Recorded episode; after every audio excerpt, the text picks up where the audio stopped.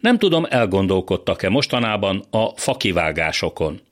Nem pusztán arra a kormány rendeletre gondolok, amely engedélyezi az erdőkben akár a tarvágásokat, bár az is megérne egy misét hanem hogy valamiért a kormány számos kiemelt építkezésénél szinte állandóan összetűzésbe kerül a természettel és a természetvédőkkel.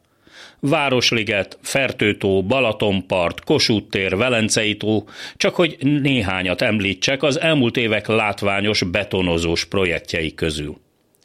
Mind attól váltak hírhetté, hogy úgynevezett kiemelt jelentőségű nemzeti beruházássá nyilvánították őket, ami a gyakorlatban azt jelentette, hogy még a nem túl szigorú építési és természetvédelmi szabályokat és előírásokat is fel lehet rúgni, ha a narancsszínű érdekek azt kívánják. És nem mellesleg a 2010-ben hivatalba lépett Orbán kormány egyik első ténykedése volt, hogy megszüntette az önálló környezetvédelmi és vízügyi minisztériumot, biztos, ami biztos.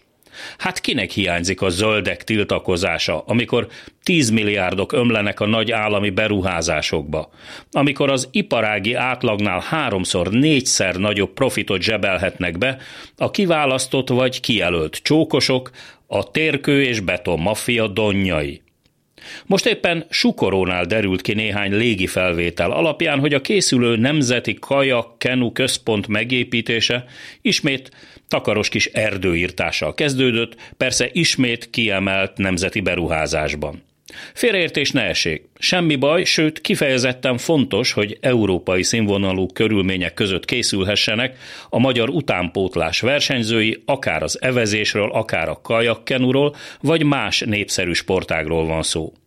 A baj a hogyannal és a mikorral van.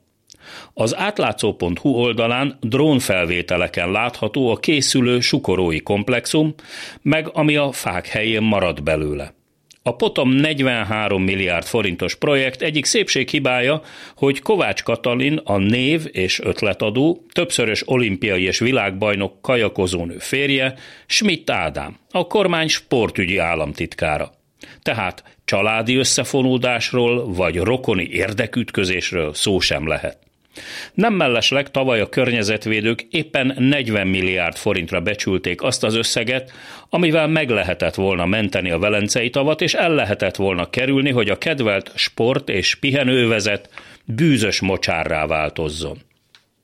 Éppen egy évvel ezelőtt nyáron volt alkalmam kerékpárral végigmenni a sukorói evezős pálya mellett a parton.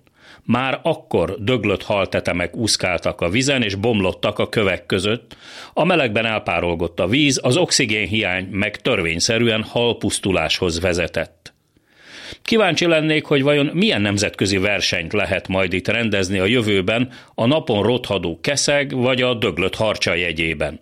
Milyen turisztikai vonzereje lesz a nádban büdösödő pontyoknak és a kiszáradt kárásztetemeknek. Először nem a tavat kellett volna rendbe tenni, és utána belekezdeni a környező fejlesztésekbe? Csak csendben kérdezem, hogy az unokáinknak ki fog a szemébe nézni, és ki fogja elmagyarázni, hogy a lámpa zöldről hosszú időre narancs színűre váltott, és ezért lett a Velencei tó helyén mocsár. Az esti gyors mikrofonjánál Hardi Mihály a hírek után azonnal kezdünk.